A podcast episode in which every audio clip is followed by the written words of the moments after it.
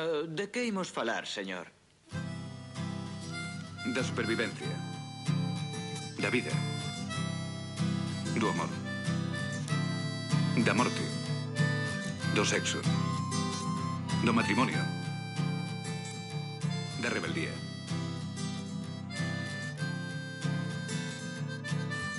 Xa é de noite a iluminación da cidade está ben pros verdadeiros fans do sol. Se fose listo sabería valorar que hai mellor lugar. Que as boleiras da área central Son consciente de que hai xente que non está moi ben. Estamos xuntos na fin do mundo máis unha vez.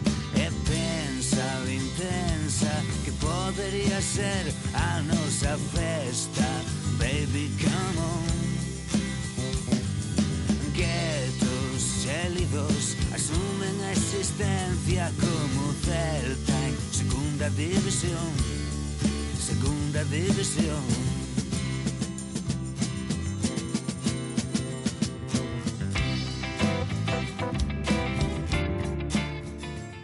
A teoría dos seis graus de separación di que dúas persoas calquera do mundo están ligadas entre sí por seis lazos de amizade.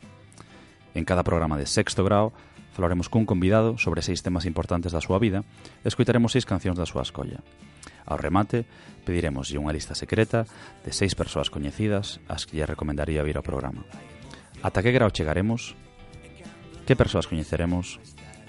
De que imos falar? Desde centro comercial son as irmás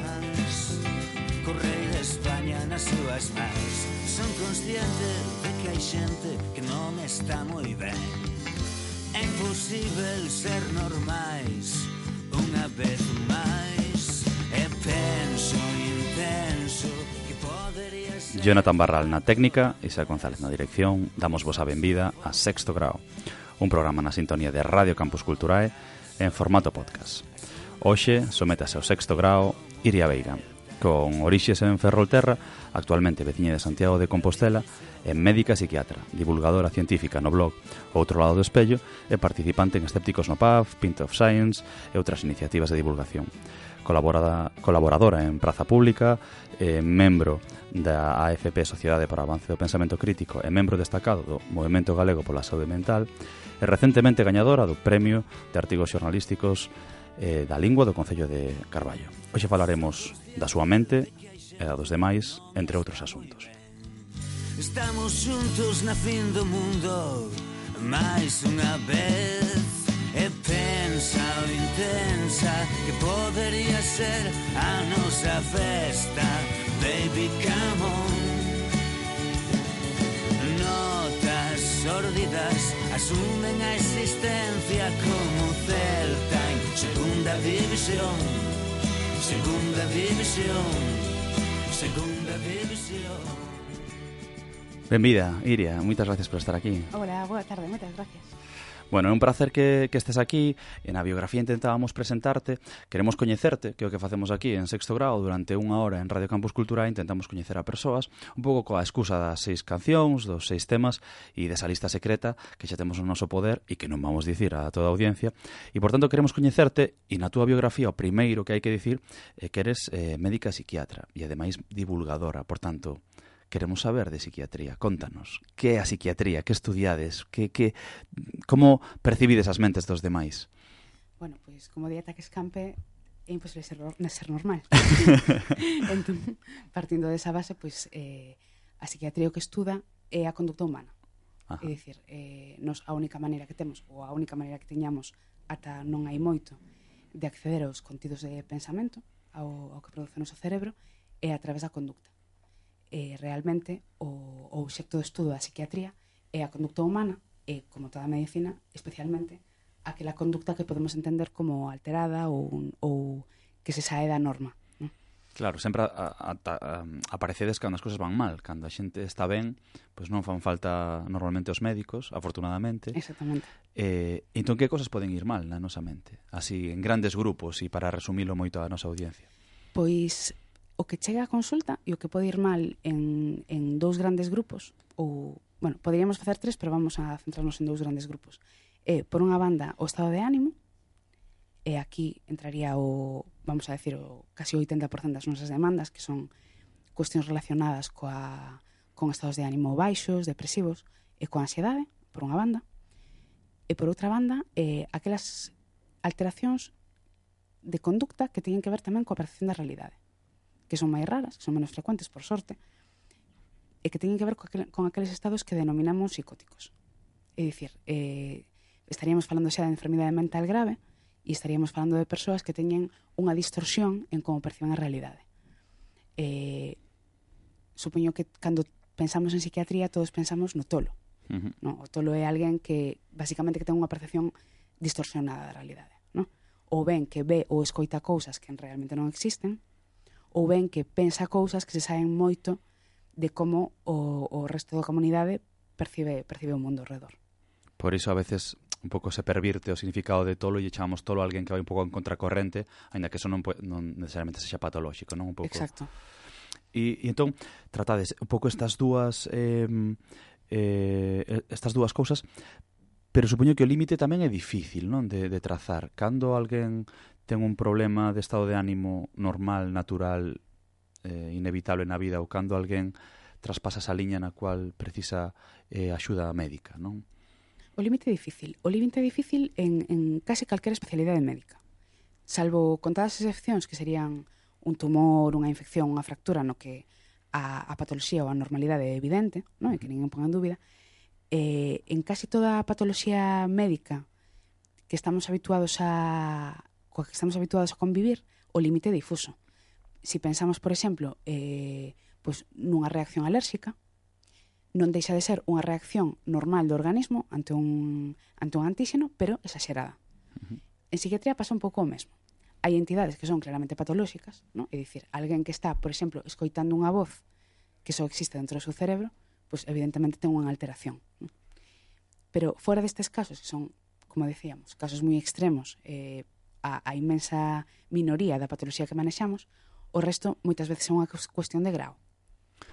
E ademais, no, no caso da, da psiquiatría, hai como unha vertente que a todos os que non sabemos deste tema nos no, se nos presenta que supoño que mil veces terías que, expl que explicar en, en conversas eh, casuais ou tamén dentro do mundo da divulgación que a diferencia coa psicoloxía e hasta que punto eh, unha e a outra se poden influir ou eh, cal é a relación con, con ese outro campo. Uh -huh. Para vencer, deberíamos estar moi cercanos e influirnos mutuamente. A diferencia básica é que os psiquiatras somos médicos, é dicir, cursamos a carreira de medicina e posteriormente especializámonos en psiquiatría igual que en calquera outra especialidade médica. É dicir, eu fixan a medicina e despois, cando me tocou escoller plaza no MIR, en lugar de escoller, pois non sei, ginecoloxía, pois escollen psiquiatría. Un psicólogo é unha persoa que fai a carreira, a licenciatura ou agora o grao de psicoloxía clínica. E en canto ao tratamento e esas liñas de división entre unha e outra área, eh, eh, aínda que dices que bueno que, que, que teñen que ir conxuntamente hai momentos nos que eh, requiran máis acción unha parte que a outra ou como, como esa relación tamén diaria dunha estrutura na que unha parte está dentro do sistema de saúde e a outra non tanto, a, a, uh -huh. polo menos a percepción que se ten, non? Bueno, dentro do sistema de saúde hai psicólogos, non tantos como nos gustaría, uh -huh. porque en sistemas de saúde de países realmente desenvolvidos, pois pues, hai moita máis ratio de psicólogos que aquí, pero os, os psicólogos están dentro do sistema de saúde. Sí que é certo que os psicólogos están presentes en, en moitos máis ámbitos, nos concellos, nas asociacións, eh, teño unha teño unha un radio de acción digamos máis amplo no, no sentido de que non é necesario ter unha patoloxía para ir a un psicólogo, non?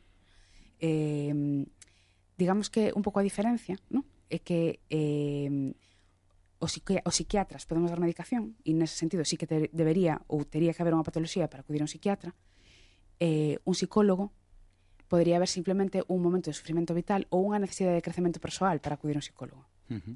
eh, había un libro, hai tempo, con un título mm, bueno, a mí me resultó muy curioso. Yo creo que aquí eh, vale la pena mencionar lo que era mm, eh, más Platón y menos Prozac. Sí. sí. Que eu creo que vai un pouquiño na liña de, de, de e ademais quero pouquiño a pouco irme metendo non dos temas así eh, candentes que nos tratar, eu creo.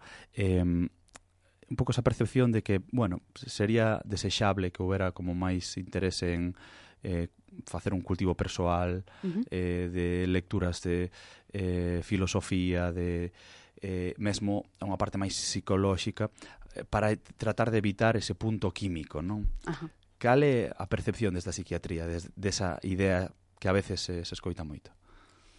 Eu creo que as lecturas nunca están de máis. E, dende logo, canto máis información teñamos, máis ferramentas teremos para manexarmos o mundo e o, o estrés ao noso redor. Fora diso, eu creo que estamos falando de cousas diferentes.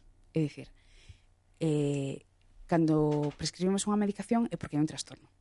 E cando hai un trastorno é porque hai un sufrimento. Entón, nese sentido, eu creo que tampouco convén mm, menospreciar no? a, o papel da medicación nun, nun determinado momento. Ninguén diría eh, máis Platón e menos Ventolín, Pois Pasa que mesmo. sempre as cuestións da mente sempre teñen como esa excepcionalidade, non? Uh -huh. eh, por eso un pouco na presentación decía que nos ias falar da túa mente, da túa maneira de pensar e tamén da de, de outras mentes e das mentes en xeral, non? E aquí xa eu quero meterme nun dos temas polémicos porque os dous nos gusta polemizar eh, que ademais me leva a cando te leo nesas colaboracións en praza pública ou tamén eh, nalgúnas intervencións públicas, estou pensando nos escépticos, cando se fala de psiquiatría, desde o punto de vista da divulgación, sempre sale algo chamado, ao mellor non directamente sae, pero sempre hai ese, esa fantasma eh, que aparece de algún xeito chamada antipsiquiatría. E entón tens que dicir o que é e cal é a postura túa persoal ante algo que ademais eu creo que che afecta nese sentido, en que cada vez que se fala do tema tes que estar como ahora che pido eu, explicando todo desde o inicio, non? Bueno, eu sempre digo que, eh, díxenos a máis en, en, en máis colaboracións, que a antipsiquiatría o único que fai é facernos a especialidade que máis mola de todas. Porque non hai nada que mole máis que ter un antagonista. Entón, non hai antitraumatoloxía, pero si sí hai antipsiquiatría. Entón, eso dá como unha medida de ata que punto molamos. Dito isto, eh, eu creo que eso parte desta de, de sensación de excepcionalidade que, que temos con respecto da mente. É dicir, a todos nos gusta pensar que hai algo que non é eh, puramente físico, é dicir, que os nosos pensamentos ou as nosas emocións non están rexidos por unha cuestión bioquímica. Entón, partindo desa base que é errónea, eh, hai xente que se aferra un pouco a esta idea de que a enfermidade mental non existe, que é o que defende a antipsiquiatría. Eh, se si a enfermidade mental non existe, estamos asumindo que hai un órgano, que é o cerebro, que non pode enfermar. E iso eu creo que é o error de base. É dicir, a conducta, a conducta enferma, a conducta patolóxica que, que moitas veces vemos os psiquiatras, non deixa de ser unha alteración da bioquímica cerebral. Con todas as salvedades que lle, queira, que lle queiramos poñer. Con toda a gradación que lle queiramos poñer, pero non deixa de ser un, un órgano que é o cerebro que está presentando unha alteración en maior ou menor grado. A psiquiatría, a antipsiquiatría o que nega é a maior, é dicir, o que nega é que, que que as alteracións de conducta que observamos sexan un produto de, da, da bioquímica cerebral, non? senón un produto dunha sociedade que non se adapta ás exigencias do individuo ou dun individuo que non se adapta ás exigencias dunha sociedade. Eu pensando que despois nos iríamos a, a cear marisco co diñeiro que as farmacéuticas eh, lle dan os psiquiatras para eh, receitar, porque, bueno, fago un pouco eh, de coña con isto porque é un dos argumentos, non? Uh -huh. Entón, Dinos a verdade, canto cobrades das farmacéuticas? Buf, eu xa, xa, che, xa che ensinere despois o jaguar que tiña na porta. Mira, eu teño un boli na consulta, un boli dunha farmacéutica, que ainda por riba dunha farmacéutica de xenéricos, que é o que lle ensino os pacientes cando me preguntan canto cobra das farmacéuticas. Este boli é a miña retribución das É a corrupción farmacéutica. Sí, esta é a corrupción. Por isto nos vendemos. Cales son así os argumentos máis simpáticos, non? Porque dá a sensación de que hasta che fai un pouco de eh, un pouco de gracia, non? Eh, eh, esas, esa situación un pouco excepcional de que alguén este negando mm, a maior, non? Que dicías uh -huh. antes. Cales son así os argumentos máis simpáticos que teñen posto en riba da mesa pola antipsiquiatría para defender a súa postura? Bueno, simpático, eu creo que de simpático tiñen pouco, porque o que están facendo é negar o, o sofrimento e negar esa axuda a moitísimas persoas que teñen unhas dificultades tremendas na súa vida ordinaria. Pero basicamente os argumentos pivotan sobre dous eixos. Non? Un é, eh, ou ben, a enfermidade mental non existe, de por sí, e polo tanto non hai un órgano enfermo, senón que hai unha disregulación social, vamos a decir, e despois o outro grande eixo é pode que a enfermidade mental exista, pero os psicofármacos non son non só non son eficaces, senón que incluso poden incrementar o padecemento psíquico. Entón, isto pasa como en todas as pseudociencias. É dicir, son capaces de afirmar que o home non estivo na Lúa e ao mesmo tempo decir que na Lúa había extraterrestres. Pois isto igual. O sea, a enfermidade mental non existe, pero ademais provocadela voz con, con psicofármaco. Entón, a min estas contradiccións, no? e estes argumentos que son contradictorios en sí mesmos, faime moita gracia porque realmente pon de relevancia ata que punto é absurdo. No? Por outra banda, a ver, eh, non deixa de ser un pouco parecido a xente que nega pues, non sei, que nega outro tipo de patoloxías médicas, non? Ou que di que o cancro se, se cura con un zumo de limón. Simplemente que isto é, en lugar de, da negación dunha determinada patoloxía, a negación dunha especialidade inteira. E, e a nivel persoal, eh, que cada vez que fales teñas que aturar un troll, eso que tal se leva? Eu a mí que me va a marcha. o sea, que ben. sí. Bueno, pois pues introducenos xa unha das primeiras cancións e, e un pouco imos pechando o capítulo de psiquiatría e entramos noutro no que xa íamos introducindo un poquinho que é o de divulgación. Pero antes vamos quitar un poquinho de música eh, escollida por Iria que temos hoxe aquí en, en sexto grado. Que nos escolliches? Pois como primeira canción escollín un tema de Nirvana, que aínda que por idade me tocaba escoitar do adolescente, en realidad non escoitaba, pero despois sí que sí que me parece un temazo e ademais utilicei no moito porque é un tema que se chama lithium, litio, que é o, o tratamento que se utiliza no trastorno bipolar que, como sabedes, tiña Kurt Cobain.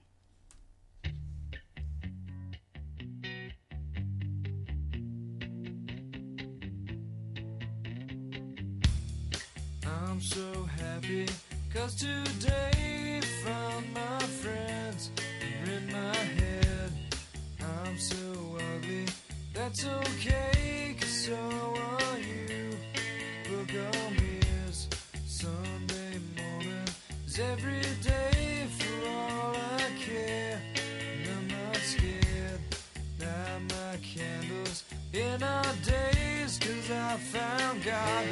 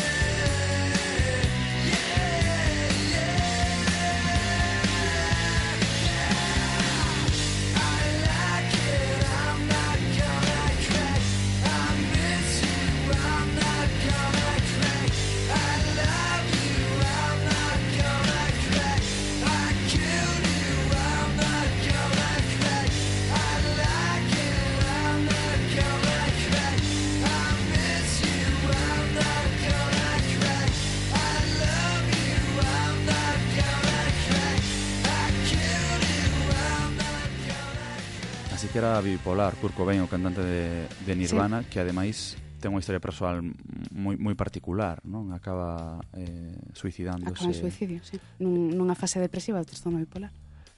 Eh, por quizáis eh, falta de tratamento? Ou é moita hipótese? Teóricamente, se si, si fallezamos caso a canción, estaba tratamento con litio. Seguramente, en parte, por abuso de outros tóxicos que non eran o litio. Bueno, como vedes, Iria, sempre que se fai unha pregunta ten unha resposta moi concisa, moi resumida, moi directa, moi clara, porque está super afeita a divulgar.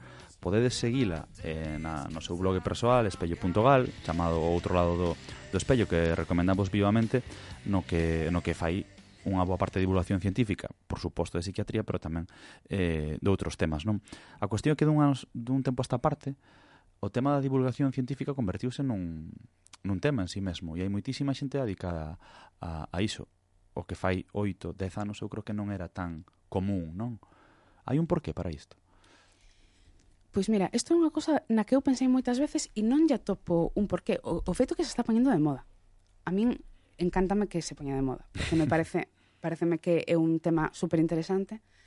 Eh, eu non son nada do meu da miña leiriña, non? A mí encántame que máis xente faga divulgación e que sexa unha cousa que a que máis xente teña acceso.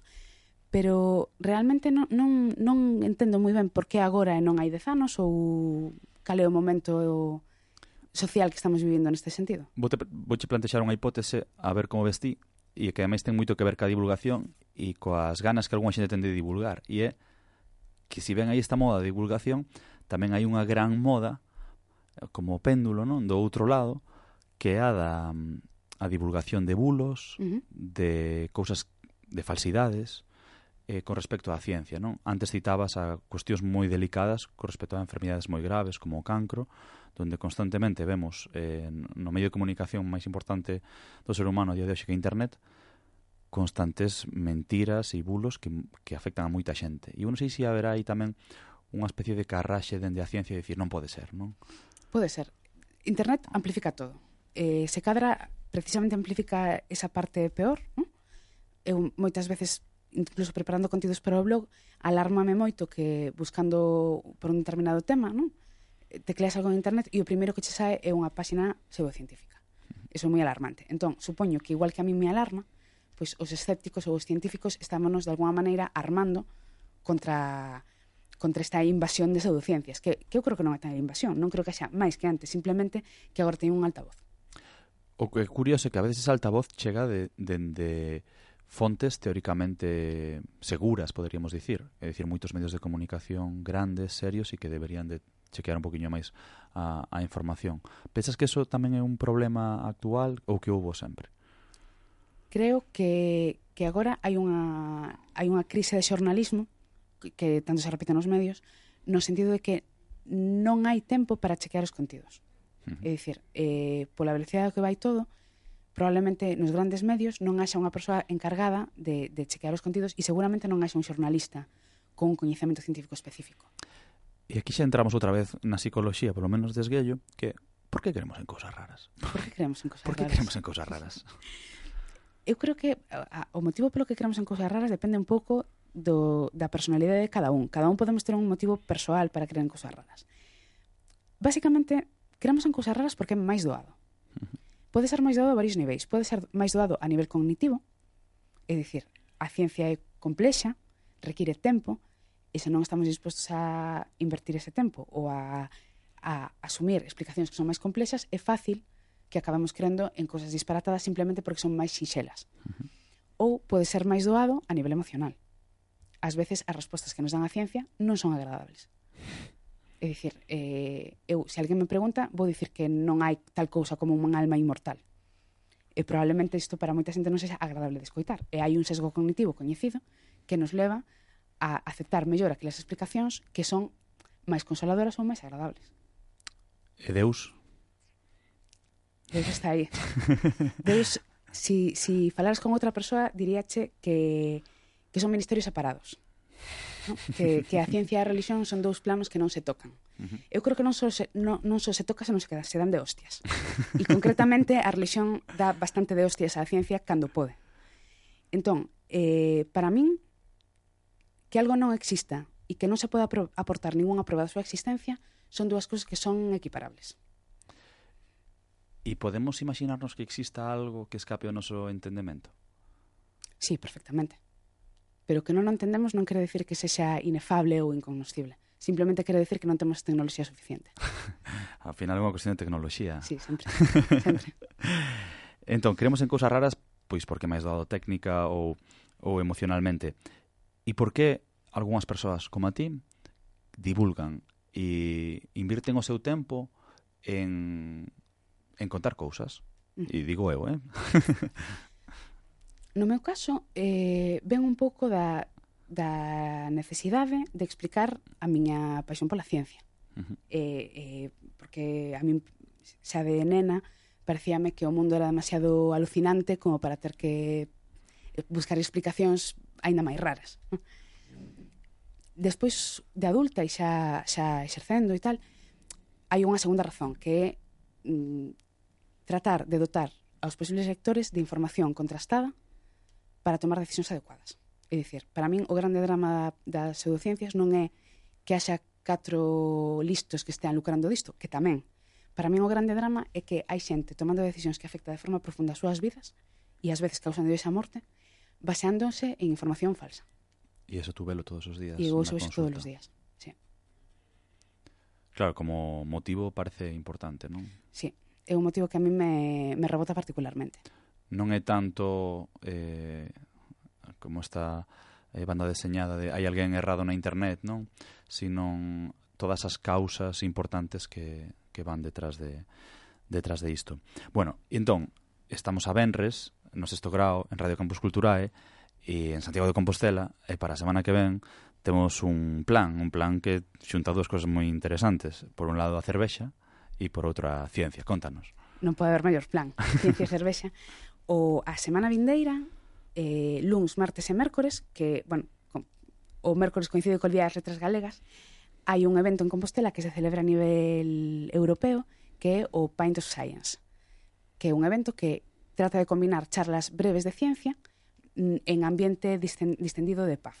¿no?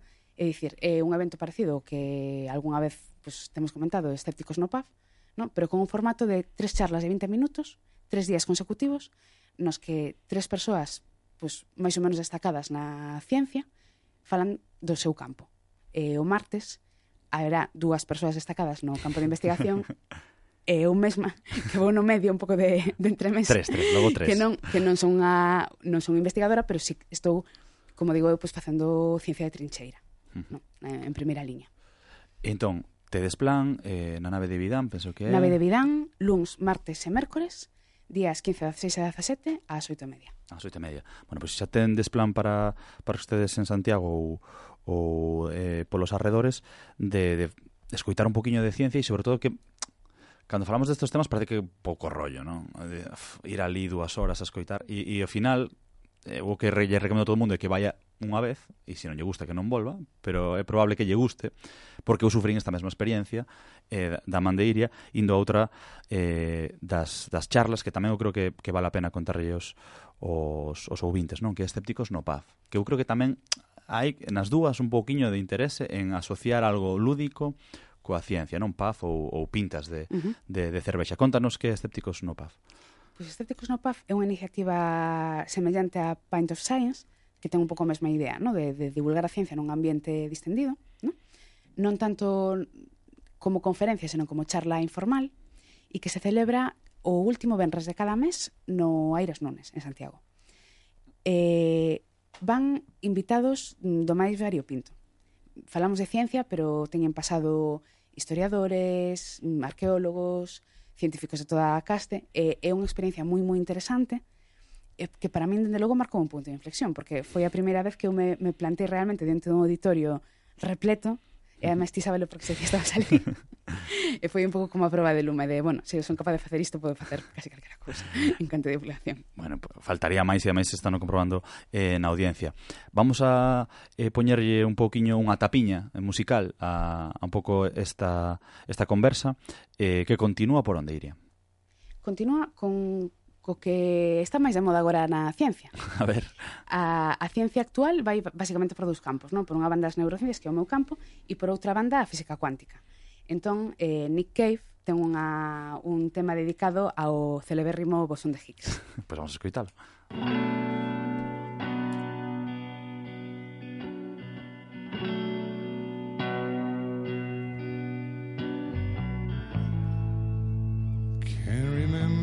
Anything at all.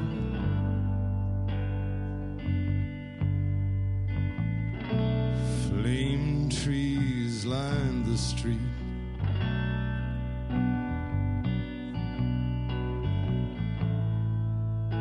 Can't remember anything at all. I was driving my car down to Geneva.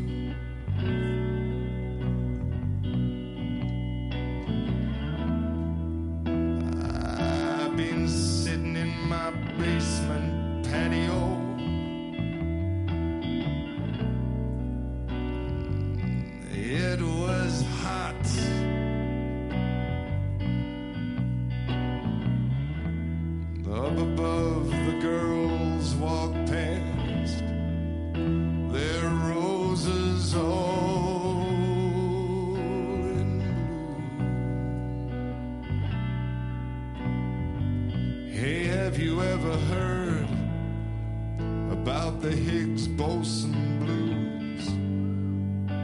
I'm going down to Geneva,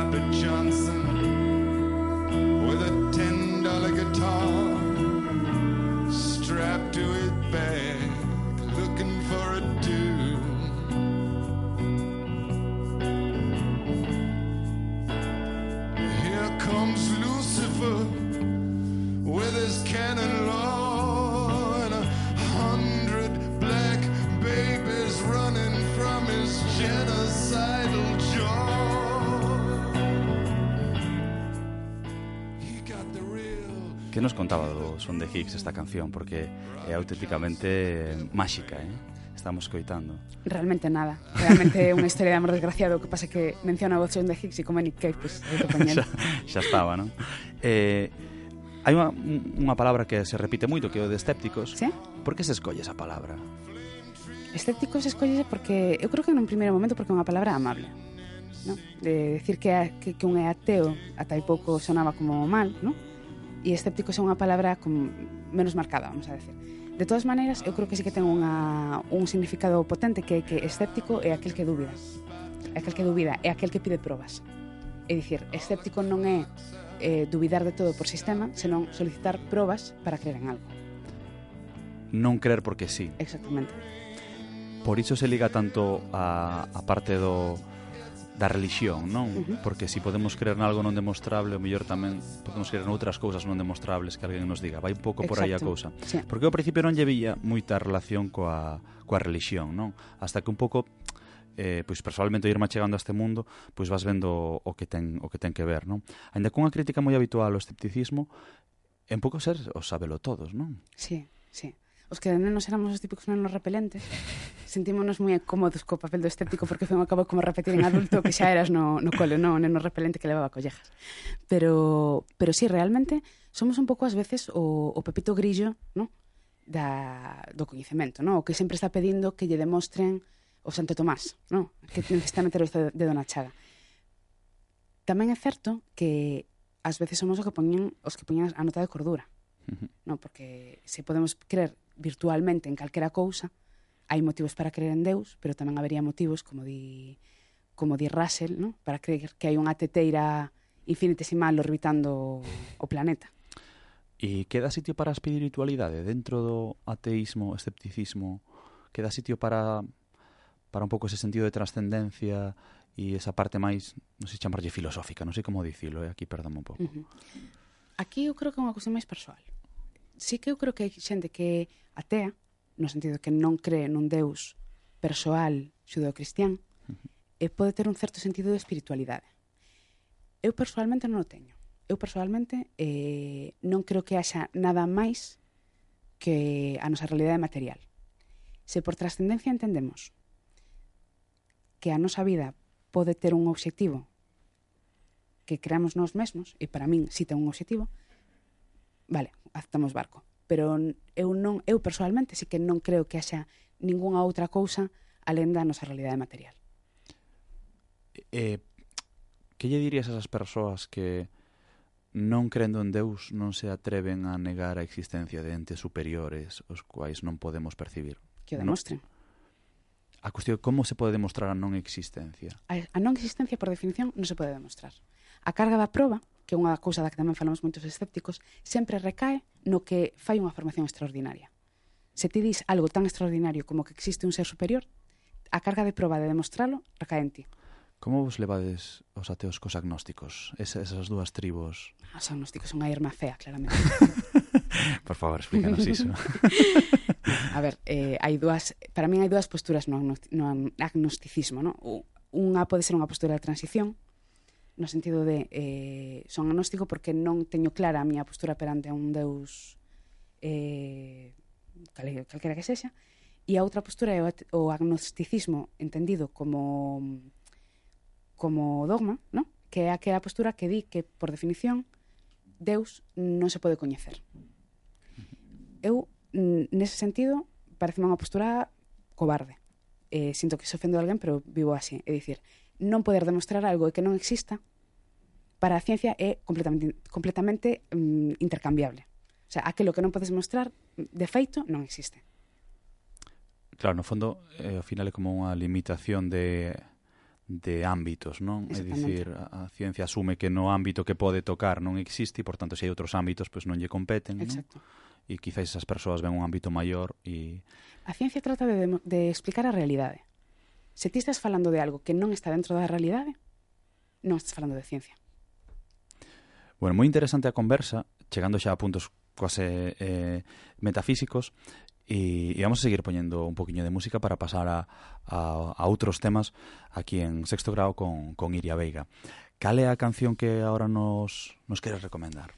Pois, como eu tamén teño aficións líricas, digamos, quería poñer unha, unha área que pertence á ópera tosca, que se chama eh, Recóndita Armonía e que me parece que pega moi ben aquí porque ten un pouco que ver con precisamente con combinar diversos ámbitos e como a realidade pode ser eh, armónica e armónica en combinando diversas esferas. Por eso de Recóndita Armonía. Pois veña.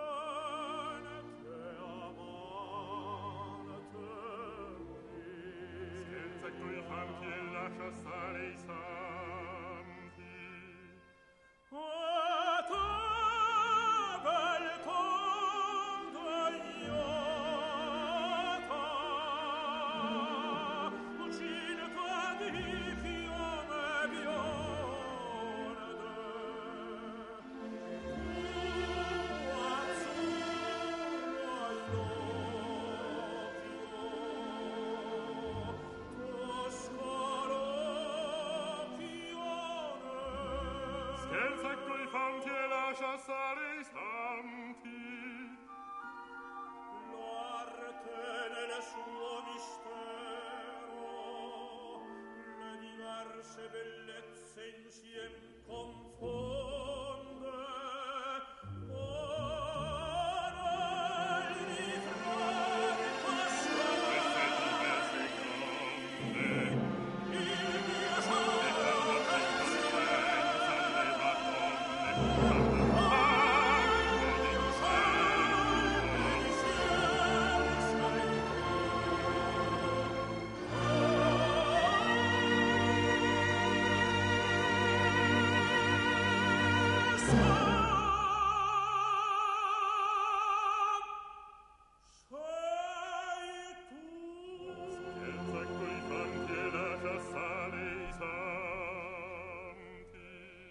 Contabas nos, Iria, que tes a túa parte lírica.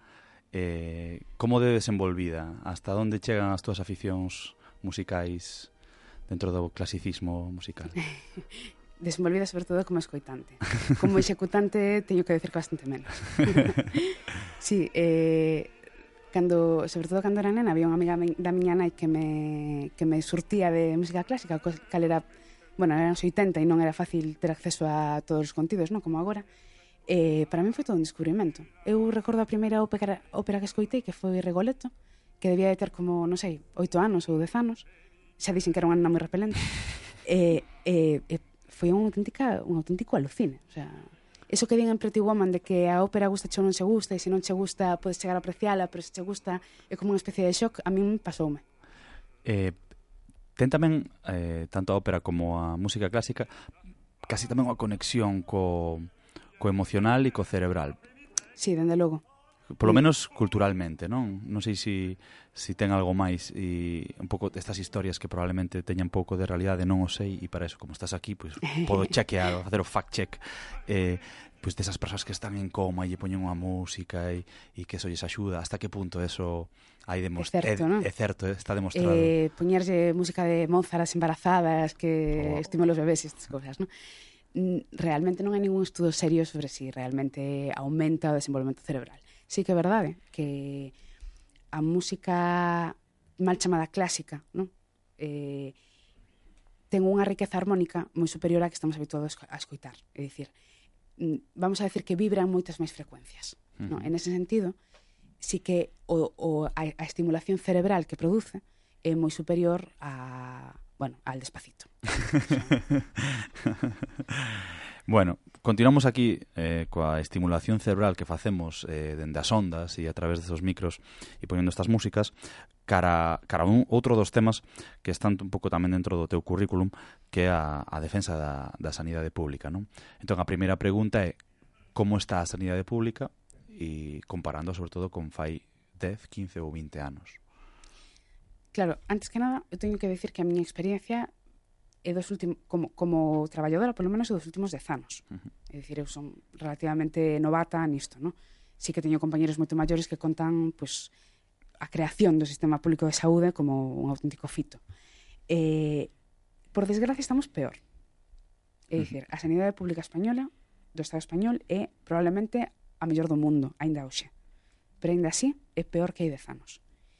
E é peor, porque, eh, sin querer parecer conspiranoica, hai un auténtico plan de desmantelamento da sanidade pública.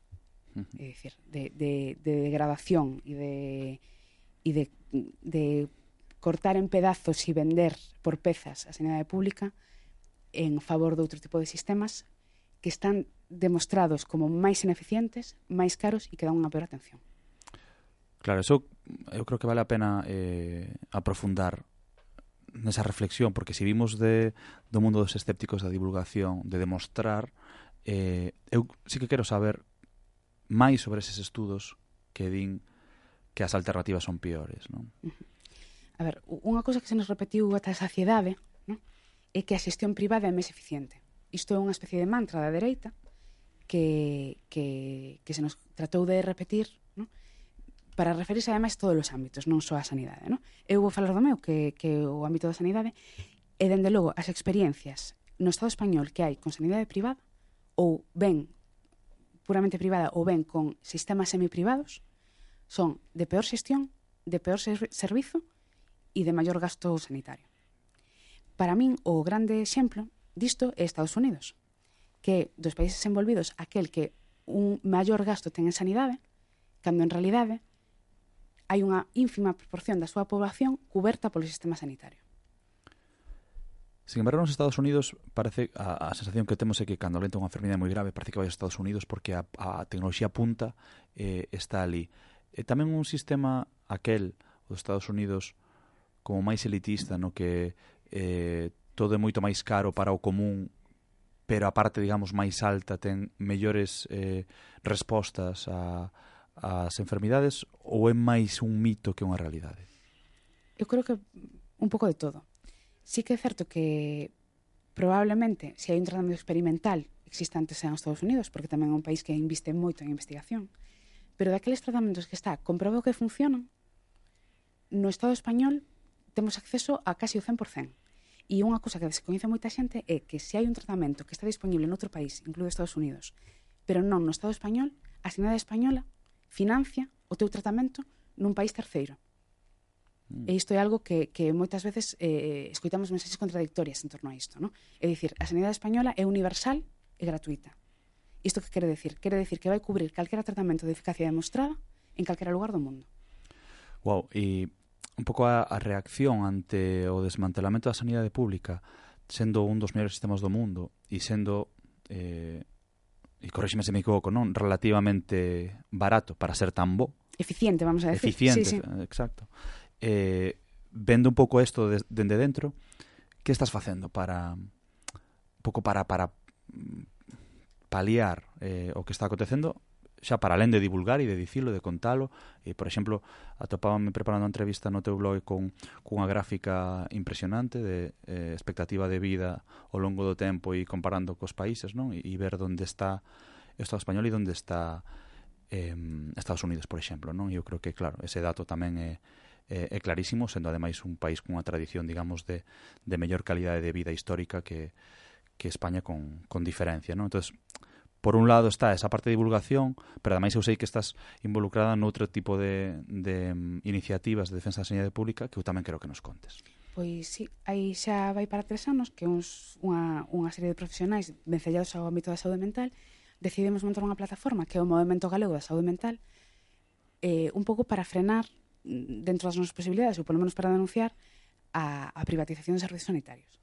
Para isto xa existían outras plataformas como SOS Sanidade, ou como, bueno, Marea Blanca en Madrid, e outro, outro tipo de, de iniciativas, o que pasa que nós o que encontrábamos era que, concretamente no referente á saúde mental, os nosos usuarios tiñan máis dificultades para facer oír a súa voz e máis dificultades tamén para reclamar os seus dereitos.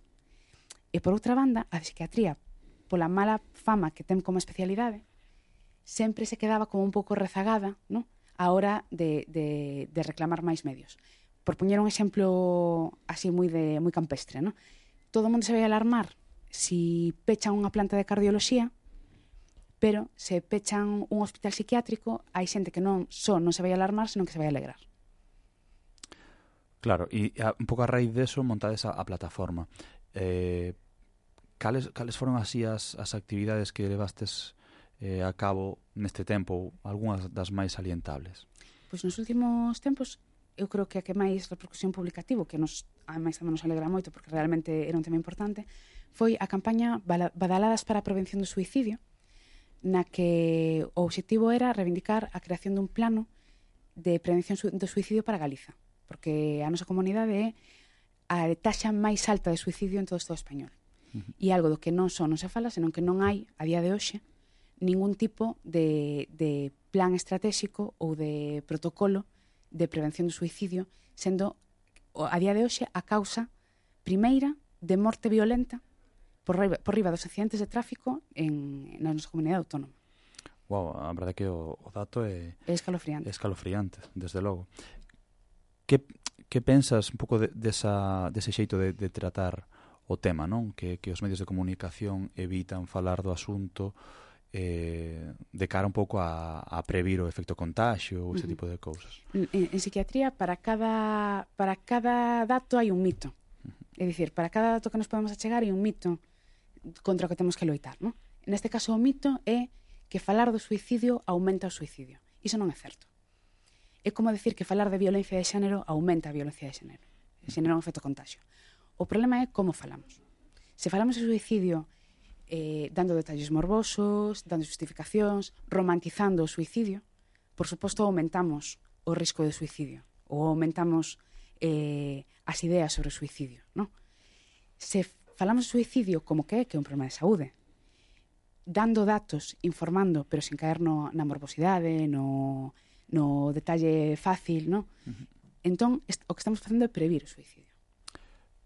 E ademais, supoño que eh, se poderá previr Quero dicir, non é un, un castigo divino que non podamos evitar, non? Polo menos poderase mellorar a, a taxa e, e combatilo de algún xeito, non? Sí, que... a idea de que o suicidio é unha decisión persoal é certa nunha porcentaxe moi pequena de casos. Eu, como atea, estou a favor da eutanasia, e estou a favor da, da capacidade das persoas para decidir nas últimas etapas da vida. Pero cando falamos de suicidio non falamos diso. Cando falamos de suicidio falamos en case todos os casos de trastorno mental grave. É dicir, de persoas que padecen unha enfermidade e un dos síntomas desa enfermidade é a ideación suicida. E en último caso, se non se, se, se non se evita, o suicidio.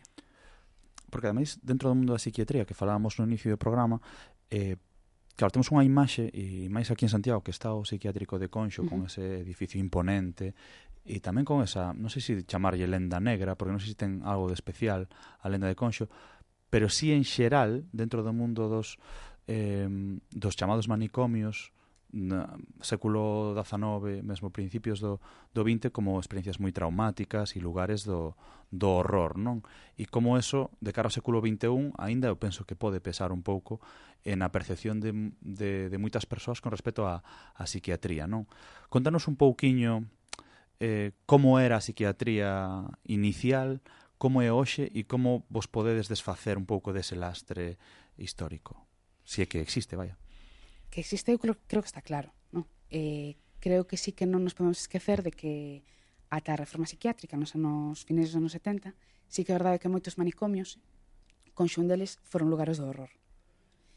Mm, tamén hai que decir que eran manicomios dotados de pouquísimos medios materiais, prácticamente sin ningún tipo de medicación e, e con un ratio de pacientes que hoxe consideraríamos intolerable. É dicir, completamente masificados eh, xa sei que parece que como un pouco que tiro pelotas fora, pero sempre me gusta recalcar que isto aplica á psiquiatría, pero aplica a moitas outras especialidades médicas, porque hospitais tuberculosos eran uh -huh. lugares do horror, sí. ¿no? eh, calquera operación cirúrxica a tan, a, antonte tiña unhas taxas de, de mortalidade elevadísimas, no?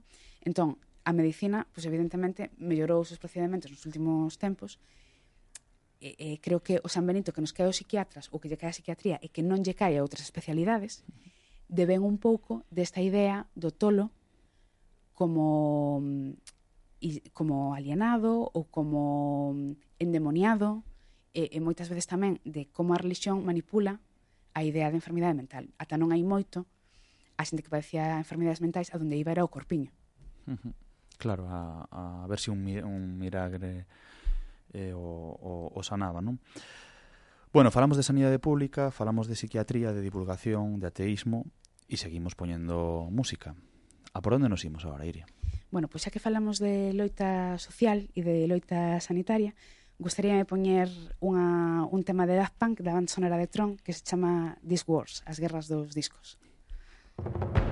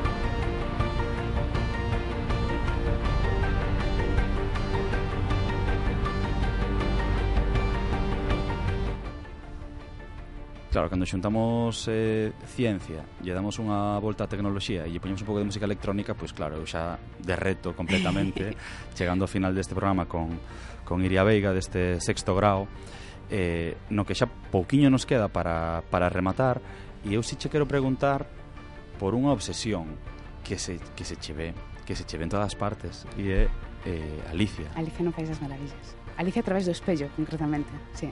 De aí, pois, eh, esa reña vermella, de aí ese outro lado do espello, e de aí moita da, da imaxe gráfica que se relaciona coa túa presencia en, en internet, non? Por qué? Que ten de especial?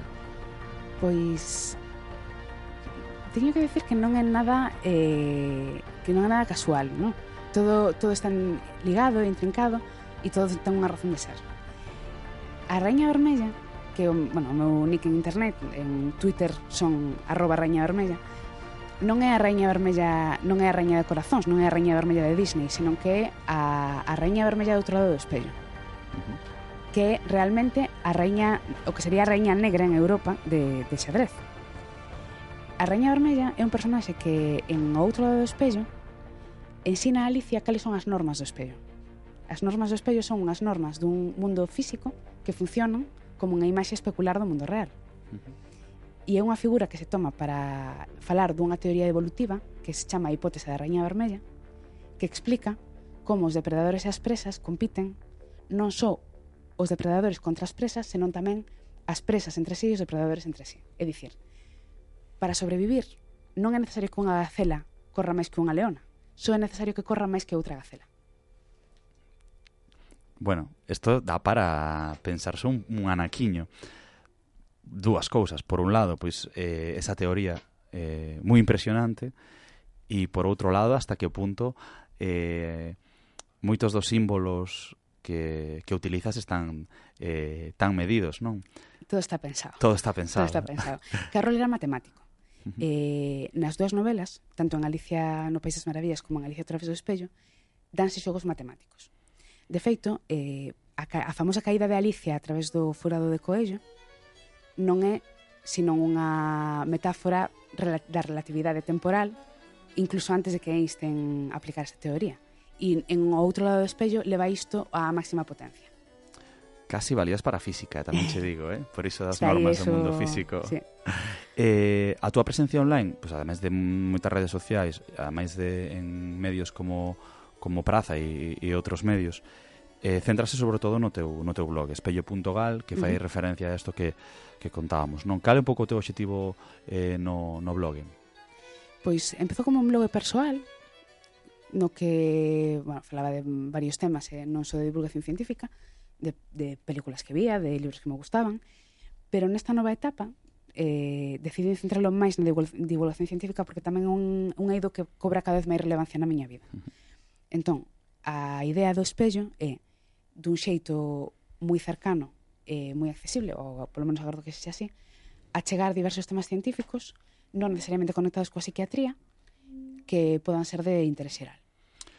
Entón, aí, bueno, pues, esa parte de, de divulgación que se complementa tamén coas, coas outras que tes online e despois un novo proxecto relativamente recente, no que ademais, pues, bueno, teño que dicir que nos, que nos atopamos nesta radio, ademais, que é un podcast e, e un programa de radio que, que é Burán, que explora tamén outro dos terreos que eh, que hoxe sí que non tocamos, que a parte máis cultural, artística, eh, tanto musical, que algo tocamos como tamén eh, literaria, que tamén se ve un pouquiño no de Alicia, non? Pero que tamén é importante.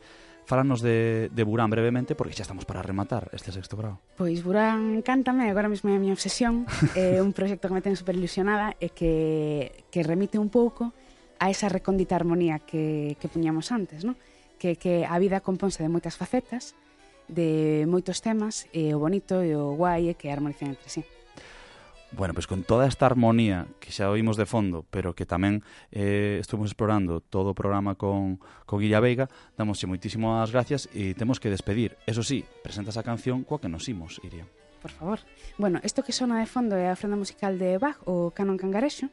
Chámase Canon Cangarexo porque é un canon que empece e acaba igual, le pode ser interpretado de forma circular, no? o que tamén é un pouco unha metáfora matemática, pero eu quería acabar con un tema de Muse que se chama Furado Negro Supermasivo. Pois claro, como non. Como non. pois Iria, moitísimas gracias, un, un placer terte aquí, sobre todo por todas esas eh, respostas tan concretas e directas que nos faz. Si os ouvintes teñen curiosidade por, polo seu traballo, pois remitimos novamente a, a espello.gal eh, .gal, e xa sabedes, en sexto grado nos vemos a semana que en dúas semanas, mellor dito, aquí en Radio Campus Culturae e a vosa disposición no podcast, cando queirades. Gracias, Iria. Un placer, Sac. Gracias.